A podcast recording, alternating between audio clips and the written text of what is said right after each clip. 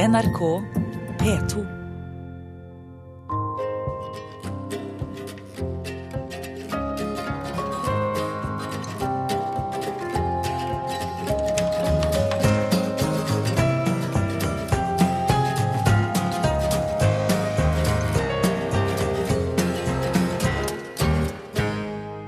Mitt navn er Nils Wærstad fra Nils og Ronny, og i mitt sommer i P2 skal jeg fortelle om hvordan jeg møtte Count Basie, sannheten om TV-serien Walkabout, en hvit Ford Taunus, en merkverdig oppvekst på Hønefoss og hvordan 16 gamle gule tenner ga meg ny innsikt i menneskesjelens mørkere irrganger.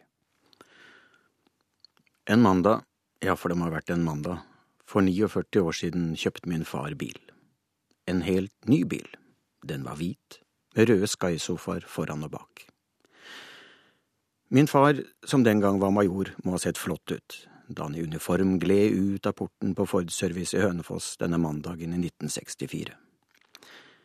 De var store for sin tid, både min far og bilen, en Ford Taunus 17 stasjonsvogn.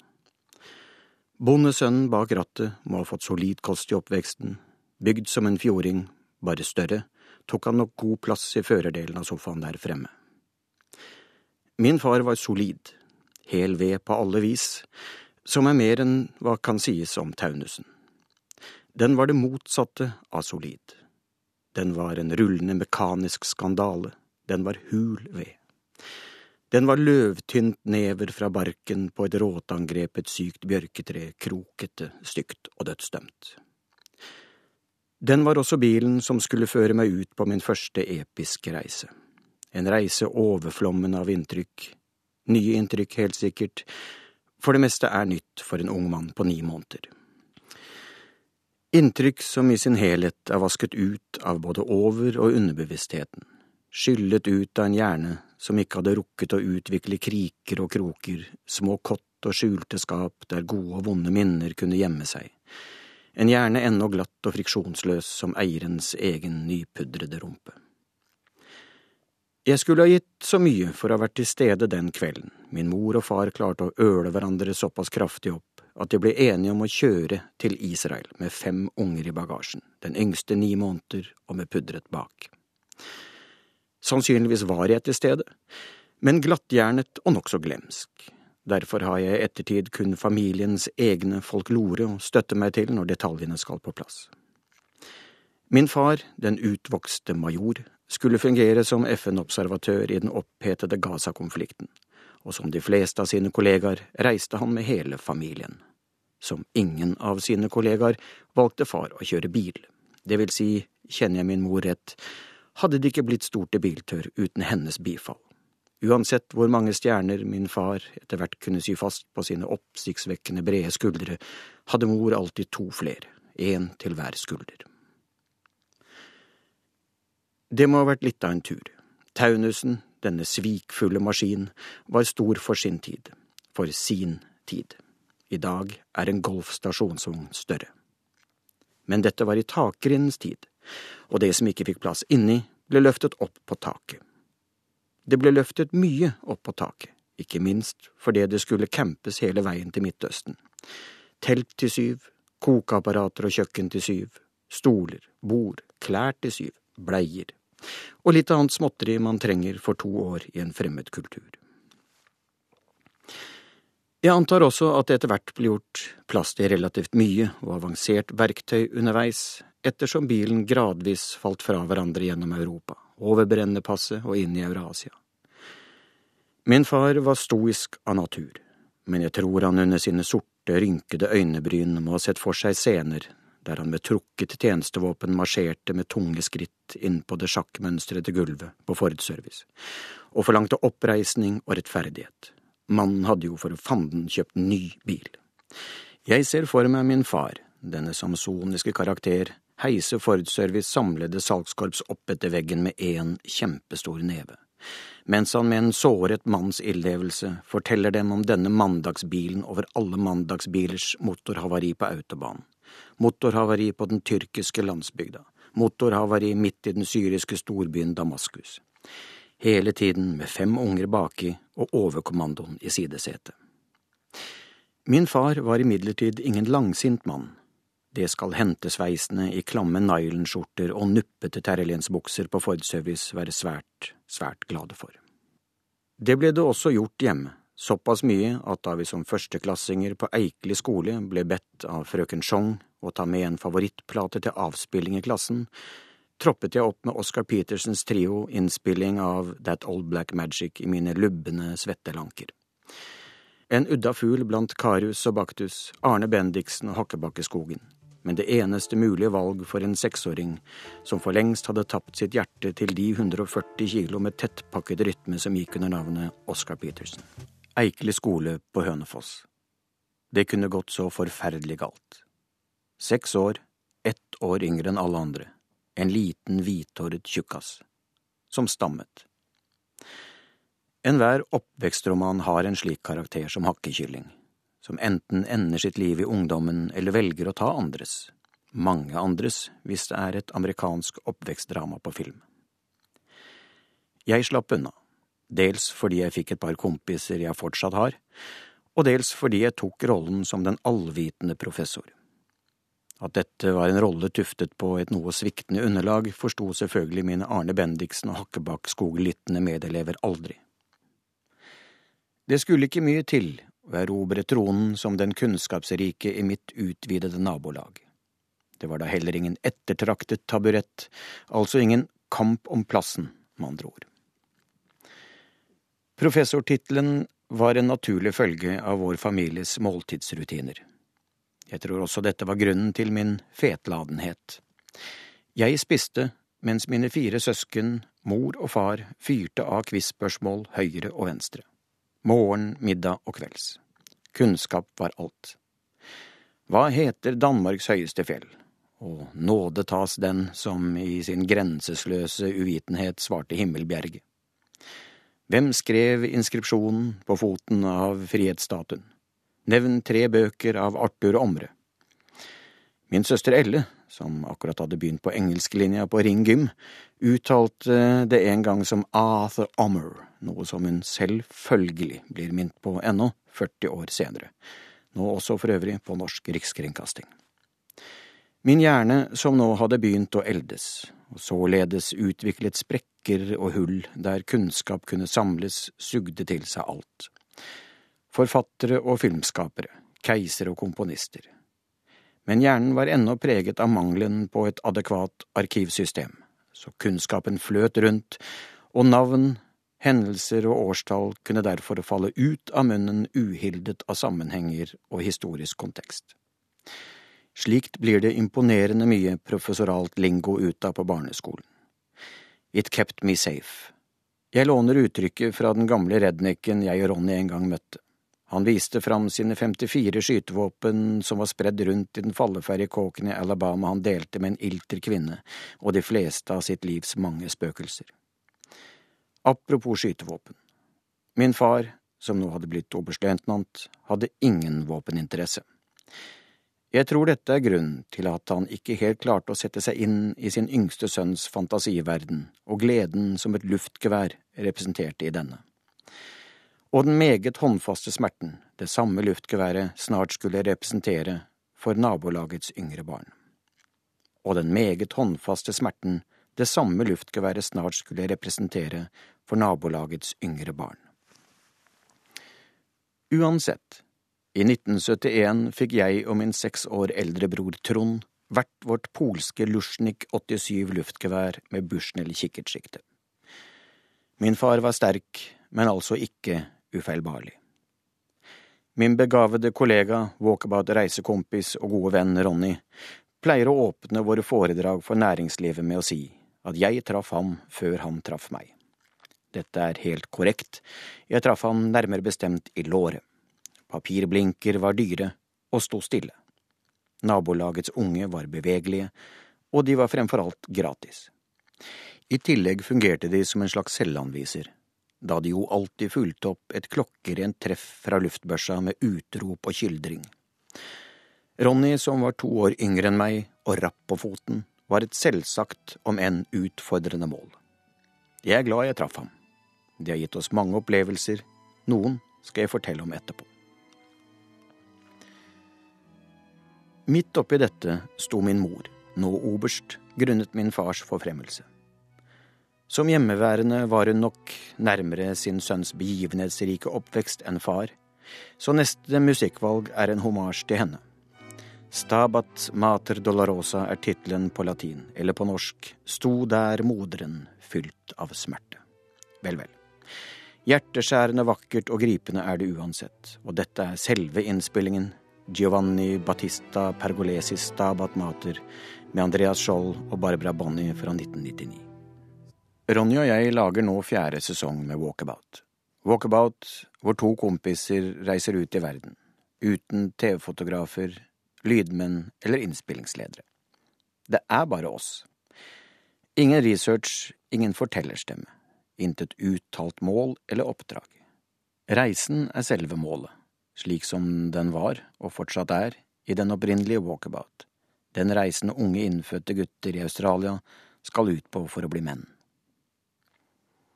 Å lage slikt fjernsyn er en underlig ensom opplevelse. Vi er kun to mann. Vi forbereder, vi reiser, vi filmer og vi klipper. Til slutt skal alt vises frem, til så mange som 800 000 seere på en god dag, som alle sitter hjemme i sin stue, og Ronny og jeg i hver vår. Det blir lite spontant tilbakemelding av sånt. Derfor er det så utrolig spennende de gangene vi faktisk har et større publikum, og kan oppleve responsen direkte der og da. På det meste har vi hatt over 2000 mennesker i salen, når næringslivet trenger såkalt underholdning med innhold. Der viser vi ofte utdrag fra våre reiser, og jeg husker første gang vi viste et klipp fra Manila, hvor Ronny og jeg kjører rundt i en diger Lincoln Continental med en TV-kokk, en prest og en sykepleier i baksetet. Underveis kommer TV-kokken med et utsagn om trafikken i Manila, som Ronny og jeg aldri har festet oss særlig ved. Salen derimot reagerer med et voldsomt latterbrøl, og publikum rundt i Norge bryter ut i det samme latterbrølet hver gang det vises. Vi skjønner det fortsatt ikke, men publiken tar inte fel. Ry Cooder har laget mye god musikk, men personlig syns jeg han når sine største høyder som filmkomponist. I en av mine favorittfilmer gjennom alle tider, Wim Wenders stillfarende mesterverk Paris, Texas, setter Cooders musikk en stemning i filmen som ingen kunne ha matchet. Wenders filmkunst og Cooders eminente musikk går opp i hverandre til en høyere dimensjon. I Walkabout har vi også brukt Rycuder relativt flittig, ikke minst når Ronny og jeg har reist i USA, enten det har vært gjennom Texas, Deep South eller i Midtvesten. En scene husker jeg spesielt godt. Vi har kjøpt en 1966 Buick Wildcat og kjørt gjennom hele Texas ned til grensa mot Mexico. Rio Grande snor seg skitten og dovent mellom de to grensebyene Pinedas Negras på den ene siden, Eagle Pass på den andre. Lovløshet og orden, kun skilt av med 120 meter lunkent vann. Vi har cowboyhatter, boots og gule hjorteskinnshansker på, og vi vet ikke ennå men under en time etter at vi glir inn i Eagle Pass, har vi rukket å krysse Rio Grande, slåss for livet mot tre ransmenn i en bakgate i Pinedas Negras, og takket være dårlig kosthold på meksikansk side med dertil hørende spelemet kortvoksthet hos overfallsmennene, gått seirende ut av kampen, for meget hurtig å trekke oss tilbake over grensa til Eagle Pass. Musikksporet idet vi i stille ettertenksomhet forlater byen, var selvfølgelig Ry Cooder. Canción Mixteca. På en reise gjennom The Deep South i en brannrød Dodge pickup hadde Ronny og jeg bestemt oss for at vi skulle kjøre Mississippi på langs, uten kart, kun på kompass. Imidlertid skulle vi ikke begynne vår navigering før vi hadde funnet en rød grusvei et eller annet sted ved grensa mellom Tennessee og Mississippi. Dette for å være helt sikre på at vi skulle kjøre oss virkelig bort dog kjøre seg bort, det skal jo egentlig ikke være mulig, all den tid vi walkabout jo strengt tatt ikke skal noe bestemt sted.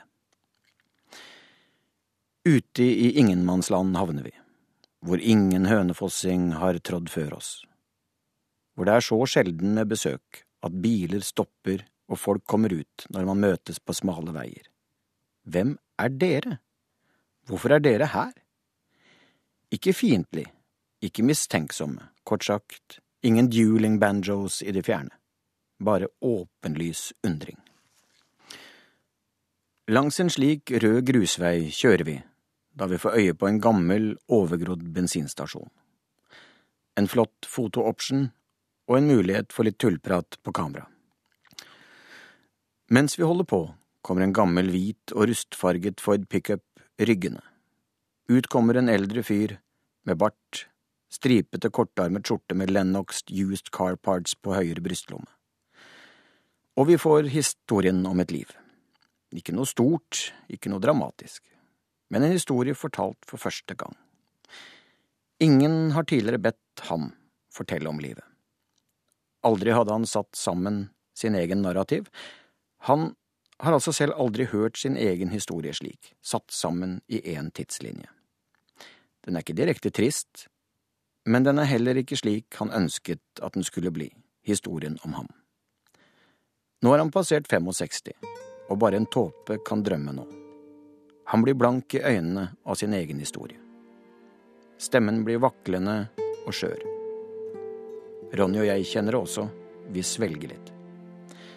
Midtveis i samtalen har vi for lengst begynt å høre musikken vi skal bruke når dette skal bli fjernsyn. Vi snakker i en time. Vi snakker i to. Her kommer tre korte minutter. Mitt navn er Nils Wærstad. Jeg er sammen med Ronny i TV-serien Walkabout, og du hører på Sommer i P2. Det at Ronny og jeg har valgt å være protagonister i eget program, at vi velger å synes og ikke bare være en stemme bak kamera, har sine grunner. Den viktigste grunnen er hvordan vi møter mennesker underveis. Kamera går alltid. Møter henne slik som du ser dem på TV. Ingen take to eller take tre. Vi går rett inn i situasjoner og håper på det beste. Av og til løser vi opp situasjonene med universell humor. Å se en tjukk mann snuble og nesten falle med høye utrop og veivende armer er like morsomt i England som i Etiopia. Av naturlige grunner er det som oftest, ja, egentlig alltid, jeg som er den tjukke mannen, with the balance of a man without almost any balance, som jeg en gang forklarte til en krepsefisker i sumpene i Louisiana. Jeg hadde akkurat nesten veltet den lille båten vi satt i, og situasjonen krevde en forklaring. Jeg vet ikke om han forsto, men både han og Ronny lo. Du kan se på TV når Ronny ler, for kameraet går opp og ned i takt med latterpusten. Den er vanskeligere å skjule enn lyden. Men altså, møter med folk. Som seer sitter du og ser hvordan krepsefiskeren reagerer på meg, hvordan jentene i frisørsalongen i Zimbabwe reagerer på Ronny. Og ikke minst får du i neste serie se hvordan colombianerne reagerer på to karer i bunad, med brokadevester, vadmelsbukser, knestrømper og hosebånd, i jungelen i 45 graders varme. For godt monn har jeg oransje kalosjer utenpå bunadsskoene. Colombianere er, som du får se i møte med dette forunderlige, folkloristiske syn, et fantastisk, varmt og ikke minst tolerant folk. Du ser det i møte med oss. På de aller første reaksjonene, den akutte aksepten og nysgjerrigheten. Jeg vet ikke hvordan vi skulle gjenskapt den, gjemt og stum bak et kamera. Vi kunne alle trenge å falle litt mer når andre ser oss, ikke bare når gardinen er trukket for og du tror det er usett. Jeg har to døtre. Den eldste, noen måneder gammel, da Ronny og jeg reiste på vår første walkabout i 1997 til Cuba. Å stå grytidlig opp om morgenen på avreisedagen, titte inn på sovende småjenter og forsiktig lukke utgangsdøren, er fortsatt nesten uendelig tungt aldri mer enn 16 dager borte. Etter åtte–ni dager er lengselen av og til blitt til en fysisk klump i magen. Vi står i New York, flyet er overbooket. Vi flyr av alle ting på første klasse og blir tilbudt Concorde-sete dagen etterpå. Jeg er flyinteressert. Jeg takker nei. Så er vel da mer naturlig enn å spille Peter, Paul and Marys Leaving on a Jet Plane. For mange år siden laget jeg en liten, dog svært aparte serie på Fossen lokal-TV som vi kalte Gjør det selv-magasinet. I dette dogmetunge konseptet skulle min figur lage nyttige ting av uventede råvarer og materialer. Innslagene var opptil 30 minutter lange og skulle gå uredigert. Det skulle gjøres ett take uten avbrytelser. Jeg hadde helsetrøye, bryltung midtskill og gråblå lagerfrakk. Det ble drukket sprit og røkt vinnertipssigaretter. Men det var tennene som skapte karakteren. Plassert i stolen til tannlege Grov, en buldrende kjempe av en mann, fikk jeg tilpasset et gebiss som skulle gi meg mye glede. Jeg har av gode grunner ikke reflektert over hvorfor tannlege Grov hadde en meget rikholdig samling av gamle menneskers tenner i en skuff på kontoret, men 16 av disse lange, gule og brune tennene fikk nå plass i en protese tilpasset meg. Det så helt fantastisk ut. Jeg gikk på gaten i Oslo med protesen på. Ti meter bak meg gikk to kompiser for å rapportere folks reaksjoner bak min rygg. Tennene virket over all forventning, og de fikk et liv langt utover TV-ruta. De ga meg et alter ego en falsk identitet som ga meg mulighet til å studere, nøye, andre mennesker i møte med et slags monster som ikke var meg. Jeg sto inne i monsteret og tittet intenst på mennesket foran meg. Meg så de ikke, dessverre for dem. Jeg er i Trondheim, det er på slutten av åttitallet, og tennene er med. På kvelden setter jeg dem inn, rufser til håret og gjør meg tom i blikket. Jeg har flaks. Stedet jeg går inn på, frekventeres av lærerstaben på NTH. Jeg er såpass oppsiktsvekkende annerledes og stygg at jeg fort blir gjenstand for oppmerksomhet. De tror ikke jeg ser, men jeg ser. I klyngene ved baren og ved bordene hviskes det, stjålne blikk, latter. Jeg venter på det jeg har lært at kommer, den utvalgte, utpekt blant sin midte som den som tør kontakt. Man tilbyr øl. Kom og stell deg litt med oss, da vel. Den utvalgte viser seg å være professor i matematikk ved NTH. Spørsmålene han stiller meg, er ment for å frembringe sine venners latter. Jeg er nå den skjeggete dama på tivoli. Samtidig studerer jeg intenst publikum som helt uten blygsel viser sin intense glede over å ha funnet et slikt udyr, så dumt, så stygt, et så helt enestående enkelt menneske. Men den virkelige payoffen denne kvelden skulle vise seg å bli matematikkprofessoren. Da jeg studerte kjemi, ble jeg introdusert for kaosmatematikk for første gang. Dette var en helt ny matematikk og uendelig kompleks, men også fascinerende, på et helt annet vis enn noe annet innenfor matematikken. Jeg hadde holdt interessen noe ved like og lest et par bøker innenfor emnet. På slutten av åttitallet var dette fortsatt så ferskt at selv som professor ved NTH ville det være mer enn mulig at man oppfattet kaosmatematikken som fremmed og tung. Og dette skulle bli min kveld. Han står der med sine venner og kollegaer, og imponerer dem med sin evne til å snakke nedover. Styggen sikler og svarer så godt han kan. Det er vanskelig å drikke øl med 16 ekstra tenner i gapet. De spør, og jeg svarer. Når jeg først stiller et spørsmål, så er det til professoren. Så hva du driver med, du? Hæ, du er professor i matematikk, ja. Så du er god i regning, du, eller? Ja, sier du det, ja? Ja, nei, du skjønner det med regning, skjønner du. Ja, der er det mye hit, du skjønner. Ja. Og det les. Ikke minst. Eh, jeg har basa mye, veit du, med den derre Lorentz-attraktoren. Ja, åssen er det med bifurkasjoner oppi dette? Ut kommer ordene og uttrykkene. Mandelbrotmengder, Folded Towel, Difomorfismer, Birkenhoffs bagel, Belusov Sabotinskis kaosreaksjon.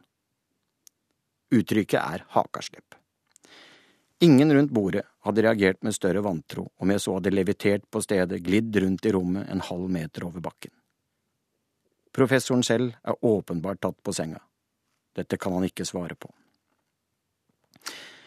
Heldigvis, for litt sånn som i første klasse på Eikeli skole, er det ordene og uttrykkene jeg kan best. Innover og bak er matematikken heller tynn. Utpå natten husker jeg at jeg ble kjørt i taxi til Anne B. Ragde av noen av festdeltakerne som kjente henne. Jeg skulle vises frem, snakke om mandelbråtmengder og Lorentz-attraktorer og bli til bok. For både Anne B. Ragdes og min skyld er jeg glad for å rapportere at hun heldigvis ikke var hjemme denne lørdagsnatten i 1989. En som mistet alle sine fortenner, og følgelig hadde trengt noen av mine før han ramlet ut av hotellvinduet i Amsterdam for 25 år siden, er jazztrompetisten over alle Chet Baker. Det høres så tilforlatelig ut. Ingen fiksfakserier, ingen overdrevne fraseringer, ikke noe jål. Bare rene, klare støt i hornet, men med en nerve og sårhet som treffer deg som en dartpil i tinningen på vei bort til baren. Chet spilte som han sang, hviskende. Han spilte trompet som han ville hviske deg noe i øret. Chet Baker, I Fall In Love Too Easily. Da jeg var tolv år, møtte jeg Count Basie. Min tante Kikke bodde i Kort Adlers gate og var barnløs. Jeg var i lengre tid hennes favorittnevø, og intet ble nektet meg. Med jevne mellomrom, fra så lenge jeg kan huske, ble jeg plassert på Oslo-bussen fra Hønefoss med en liten, brun pappkoffert i fanget. På Soli plass sto tante Kikke og ventet, klar til å ta bortskjemming til nye høyder. En skjellsettende opplevelse for meg var da hun i 1975 tok meg med på lunsj i det nyoppførte SAS-hotellet ved Slottet. Jeg utviklet tidlig en hang til luksus, helst av den overdrevne typen, og dette var det nærmeste du kom i Oslo i 1975. SAS-hotellet var en sort skyskraper, med butikker i kjelleren, gull og myke tepper i den enorme foajeen, og under over alle under, marmor og gullfargede kraner på toalettene. Alt var blendende stort og blendende vakkert for en tolvåring fra Hønefoss, hvis referanser begrenset seg til Melkebaren, Tippen Autogrill og Johansens kafé i hjembyen. Vi spiste lunsjbuffé på Holbergs restaurant, omgitt av gjester fra fjerne land. Dette var livet. Det var slik jeg ville det skulle være. Overdådige lunsjer, fremmede språk, høye smørbrød og lave bukk fra servile kelnere. Såpass spor satte dette i meg at jeg året etter, altså i 1976, på ny satt på bussen til tante Kikke med pappkofferten i fanget. Men denne gangen hadde jeg en plan. Selv hadde jeg 50 kroner, og jeg visste at tante Kikke ville tilføre reisekassa ytterligere midler. Under påskudd av å ville handle noen små presenter til mine eldre søsken, strøk jeg på dør. Jeg hadde memorert veien til SAS-hotellet fra Kortadlers gate, jeg visste hvor jeg skulle. På veien stoppet jeg i tobakksbutikken i Drammensveien, og jeg betalte 22 kroner for en Klassen Churchill-sigar et monster som kom i sin egen lille, svakt rosa bakelittkiste med gullskrift utenpå. Restaurant Holberg hadde en egen lounge, hvor gjestene kunne avvente ledige bord i travle perioder. Her ble jeg altså henvist, og i grå bukser og blå speilfløyelsjakke la jeg meg gli ned i en av de dype stolene mens jeg fisker fram røkesakene. Jeg må nok ha vært litt av et syn, en slik liten tass man i dag hadde ønsket å stramme kraftig opp, kanskje med et par solide ørefiker. Men det er flere som kommer uanmeldt til lunsj, deriblant verdensstjernen Count Basie og flere av hans orkestermedlemmer. Store, mørke menn med store, lyse dresser. Såpass jazzinteresserte var vi hjemme, min mor og jeg, at jeg straks gjenkjenner King of Jazz. En i følget spør høflig om det er plass ved mitt bord, og de setter seg ned, stirrende og smilende. Mr. Basie, I presume, spør jeg. Han bekrefter smilende, og i tyve minutter småprater vi om jazz, blues og barneoppdragelse i Norge. Jeg forteller at jeg holder en knapp på Oscar Peterson, men at jeg gir Count plassen som en god nummer to. Denne plassen er jo egentlig jazzgitaristen Herb Ellis sin, men jeg vil nødig fremstå som smålig ovenfor vår verdensberømte gjest, så nummer to, ja, det er du, det, Count. Det hele ender med at Basie spør om jeg vil komme på konserten, han skal i så fall ordne med inngang. Jeg forklarer da at det jo hadde vært skikkelig gøy, men at tante Kikke nok ikke kunne innlemmes i hvordan dagen hadde forløpt frem til nå, og at jeg således, for å unngå et massivt forklaringsproblem, nok måtte takke nei. Count Basie tok avslaget på invitasjonen som en mann, og vi skiltes som venner. Nå tror dere kanskje at det blir Basies storband på radioen, men den gang ei. Det blir nok litt pussigere enn som så. For noen år siden var jeg i San Francisco og besøkte Museum of Modern Art, som akkurat da hadde en utstilling av den hvite sørafrikanske kunstneren William Kentridge. Hans tegninger, montasjer og animerte filmer er mørke, fantastiske og ulikt noe annet jeg har sett. I en av montasjene om apartheid bruker han en gammel mann som til vanlig synger på gata i Johannesburg, Alfred Macgalamele. Det er noe av det skjøreste og snåleste jeg har hørt, og sammen med Kentridges mørke skyggeteater gjorde Alfreds vaklende stemme et betydelig inntrykk. Utpå nyåret kommer Ronny og jeg med en ny utgave av vår reiseserie Walkabout. Ground truth er et uttrykk vi har tatt med oss inn i serien denne gangen, og uttrykket ground truth peker på den ofte himmelropende differansen som oppleves av soldater og offiserer som står på bakken i krig, mot retorikken og virkelighetsbeskrivelsene til politikere, militære toppledere og policymakers under en væpnet konflikt. I nyere tid er det spesielt i Irak og Afghanistan hvor disse virkelighetsbeskrivelsene har spriket smertefullt.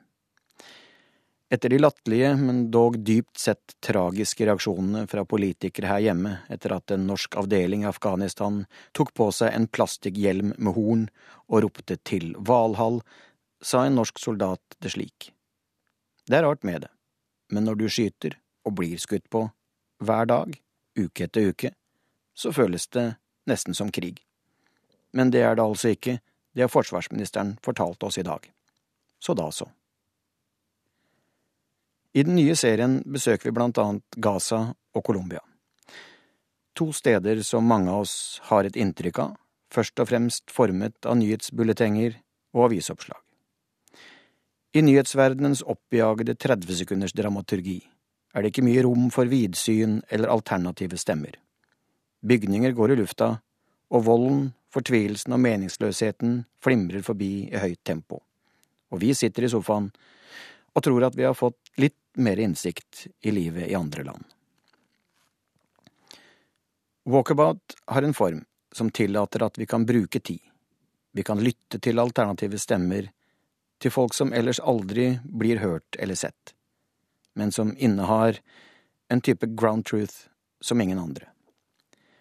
Vi snakker helst ikke med politikere, aktivister, pressgrupper eller andre som presumptivt har en historie eller en sannhet å selge til omverdenen. Hvis resultatet av walkabout blir at noen av dere, neste gang dere ser nyhetsinnslagene fra Gaza eller Colombia, tenker at det fins så uendelig mye mer bak forsideoppslagene, at ingenting er svart-hvitt, det finnes ingen som er bare good guys eller bare bad guys, og at jo mer innsikt du får, jo større blir kompleksiteten, ergo jo mindre kommer du sannsynligvis til faktisk å forstå. Hvis det blir resultatet, da er vi fornøyd. På vei ut i sommerdagen, ta med dere en siste låt. Som ateist setter jeg forunderlig stor pris på mye av den musikken som søker å gi trøst og sette mot i de som tror. Sist høst, kjørende langs Ohios og Pennsylvanias bølgende kornåkre i en lyseblå 68 Camaro, spilte Ronny og jeg The Pazal Sisters Where No One Stands Alone høyt i bilen. Noen ganger trenger man ikke å tro på en gud for å bli religiøs. Kjære P2-lyttere, fortsatt riktig god sommer.